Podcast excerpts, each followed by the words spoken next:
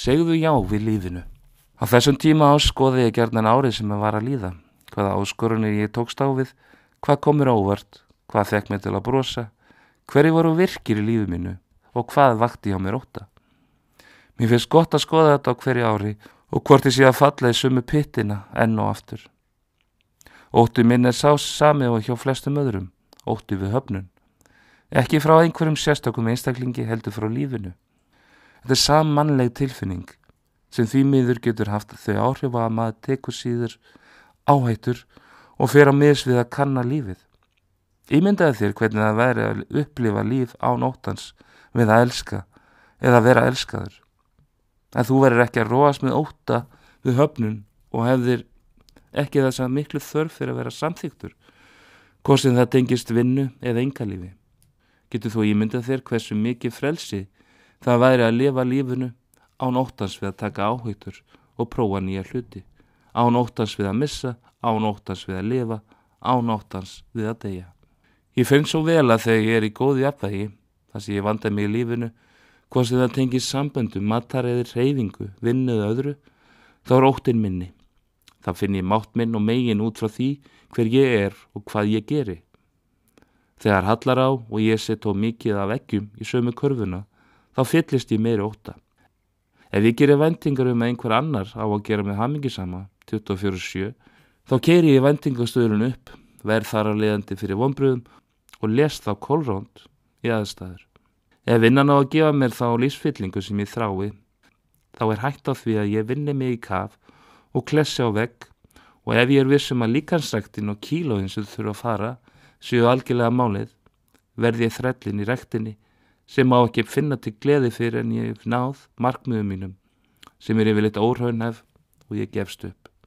En það sem verraði þegar maður setur öll ekkin í sumu korfuna þá segir maður yfirleitt nei þegar mann er búið að koma í aðra korfu. Ég er svo upptekið mikið að gera í vinnunni, hann, hún getur þurft á mér að halda þarf að fara að sofa klokka 20.30, rættin sjáðu. Þess vegna verður þetta ár hjá mér rétt eins og árið 2019.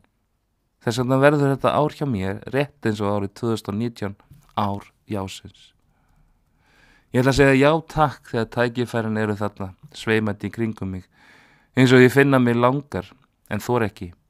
Ég ætla að segja já þegar mér er bóðið á meðal fólks í stað þess að tellja sjálfur með trúum að það sé best að vera heima undir sæng. Ég ætla að segja já þegar vinkona eða vinur segir eigum við að drifa okkur í bíó. Því það er skemmtilegra að bíó saman en að horfa einn heima. Ég ætla að segja já við kaffihúsaspjalli og hátiðisverða hýtingum og göngum á fjöll.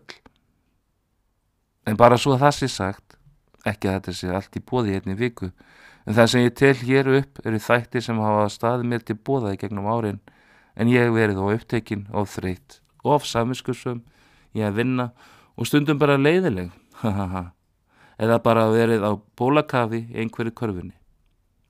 Nú hugsaður einhver, ég bara finn það, má maður aldrei slaka á. Svo sannlega, en ég er líka meðvituð um að maðurinn er tengslavera og ég bý einn og mjög auðvelt að telja sjálf, sjálfur með trúum að ég hef ekki tíma í þessi tengsl. Ef ég er ekki meðvituð þá get ég mjög auðveldlega búið mér til tvær körfur, vinnan og tölvan. Mér langar ekki til þess. Ef ég get meðaltalið tvær til þrjár klukkustundur á dag í tölvinni heima, já, eftir vinnu, þá er rýmið fyrir meiri tengsl. Rannsóknir sína að félagslið tengsl eru okkur svo mikilvæg og auka lífskeiðin.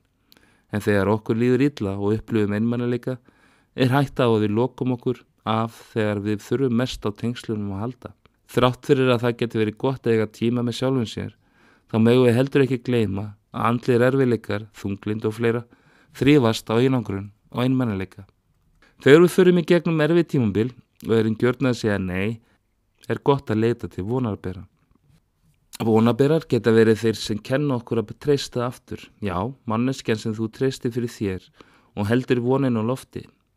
Þegar við upplifum volleysi eða örvetingu, getur það átt rætur sem er djúpri sorg sem við höfum upplifað og varna viðbröðin er að loka á tengsl sem eru vörd gegn frekari vonbröðum, svikum eða ástasorg.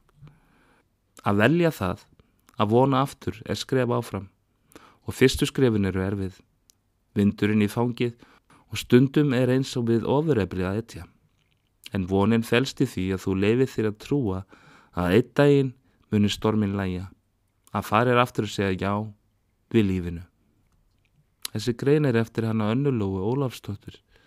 En Anna Lóa er mentur náms og starfsrákjaf og markþálfi og jáfnfram stopnandi og eigandi að Hammingjuhorsins á fjörsbúkinni. Í Hammingjuhornin eru fróðlegir og einihelsir ekki pislar um þætti sem snúa samskiptum, personulegu áskorunum og lífsins leindandómum. Ég hvet ykkur eindriði til að kynna ykkur síðuna hennar, en hún leifði þú skipti máli podcastinu að nota greinar eftir sig og þökku við henni afara vel fyrir það.